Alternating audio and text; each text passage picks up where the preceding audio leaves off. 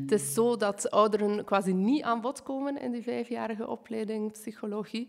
Um, als we het dan hebben over ontwikkelingspsychologie, is het alsof dat, dat stopt bij de lege nestfase.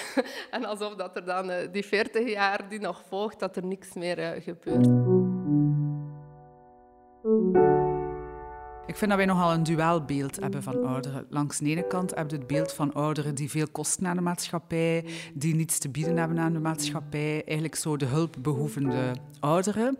En aan de andere kant van het spectrum zien we het beeld van ouderen die het wel goed doen in onze ogen, waarvan we zeggen, zo zou ik oud willen worden. Wat ik liever zou zien is een gezonder, normaler, realistischer beeld eh, van ouderen.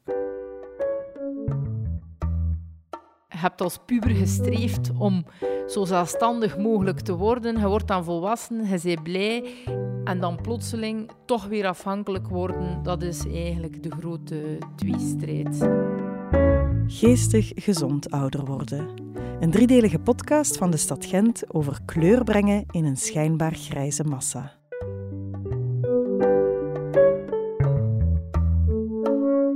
Aflevering 3 ik kan nu alles doen wat ik in mijn jeugd niet kon. De linken die we zien tussen pubers en oudere pubers, of de tweede puberteit, is dat ze beide hebben een soort fysieke onhandigheid. Ze moeten hun lichaam opnieuw leren kennen uh, met, met de nodige onhandigheid die er soms bij komt. Seks en hormonale veranderingen is bij beide groepen eigenlijk opnieuw belangrijk. Langs de ene kant moeten ze het leren kennen, langs de andere kant moeten ze het opnieuw leren kennen op, in een andere setting, op een andere manier dikwijls. Mentale onzekerheid zien we ook bij beide groepen uh, terugkomen een economische last zijn in plaats van nut voor de economie. Zowel pubers als ouderen kosten ons veel als maatschappij. Dus die zien zich allebei ook zo'n beetje als economische last. En allebei, bij allebei zien we eigenlijk een heel groot gevoel van onbegrepen voelen door de middenmoot van de maatschappij. Waar dat de vergelijking spijtig genoeg niet op gaat, is dat pubers heel veel handboeken gaan over ontwikkelingstaken bij pubers, wat pubers allemaal moeten doen om tot ontwikkeling te komen.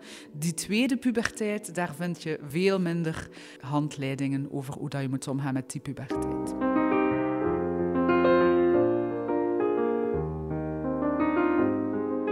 Ik denk niet dat ik er uit geweest ben. Maar ik zeg, ja, ik ben vroeger muzikant geweest, dus wij zijn een beetje misschien anders uh, en hebben een kritischer kijk op de maatschappij. Leren kruipen, leren staan, leren lopen en dan gaan. Een onbekende wereld in, helemaal alleen. Er is zoveel te zien. We zijn meer begaan met bepaalde problematiek zaken die zich afspelen in de maatschappijen. Uh, en niet alleen hier in ons klein België, maar ook bewustzijn wat dat er in de wereld gebeurt. Leren doen. Leer de veter strikken in je rechterschoen. Er is zoveel te zien. Mijn ogen, ik heb zo'n beetje de metafoor van identiteit als een bloemenveld. En ook bij ouderen is dat zo. Er liggen daar allerlei zaadjes en er zijn allerlei bloemen die doorheen het leven heel mooi uh, opgegroeid zijn. Maar als je die geen water blijft geven en als je die geen zonlicht blijft geven, dan gaan die verwelken. Dus wat zien wij? Wat, wat is water en zonlicht? Dat is complimenten geven. Dat is mensen zinvol vinden om bepaalde redenen. En het werk valt weg, dus daar valt dat al weg. Uw rol als moeder, uh, als vader, als collega. Veel rollen worden uitgevoerd waardoor dat de voeding voor die identiteit eigenlijk een beetje wegvalt. En die bloemen die ooit zo mooi stonden, verwelken een beetje en worden niet meer gezien door u en door mij.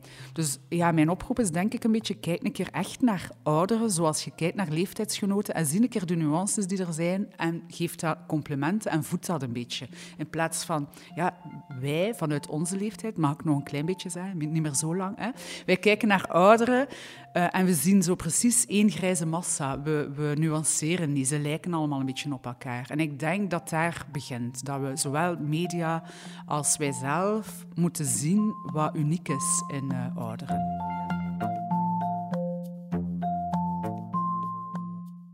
hebt veel ervaring opgedaan. Hoe dat we het ook draaien. We gaan nu heel uw levensverhaal eh, uit de doeken doen. maar er is wel een rugzak vol ervaringen. Hè? Ja. Heb je het gevoel dat je daar met ouder worden iets mee doet, iets mee zijt? Eh, Ik probeer zoveel mogelijk. Ik ben nu al 15 jaar invalide. Maar ik heb vijf jaar ook eh, vrijwilligerswerk gedaan in kringloopwinkel als verkoper. En ik probeer ook andere mensen te helpen met problemen. Dus, maar het is gelijk dat zegt als ik, heb veel meegemaakt. Ik heb veel verschillende facetten in het leven gezien. Ik heb ook eh, zo re- verre reizen gemaakt en zo. En ook als muzikant eh getoerd.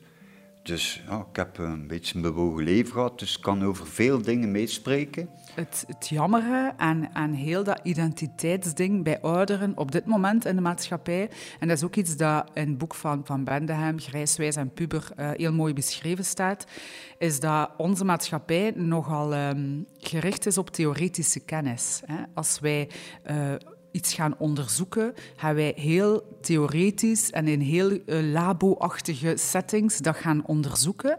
Terwijl dat hij duidelijk uitlegt in zijn boek, en dat is iets dat ik heel hard kan volgen, dat er twee soorten kennis zijn. Je hebt die, die kennis, die theoretische kennis, maar je hebt die praktische kennis die je door ervaring opdoet. Hè. En dat is natuurlijk, allee, daar moet ik geen betoog voor doen, onze ouderen en wij elk jaar erbij, hebben dat heel veel. Je hebt zoveel dingen opnieuw gedaan, casuïstiek bijna. Je gaat dingen opnieuw en opnieuw en opnieuw gaan doen, waardoor dat je bepaalde patronen gewoon ziet in alles.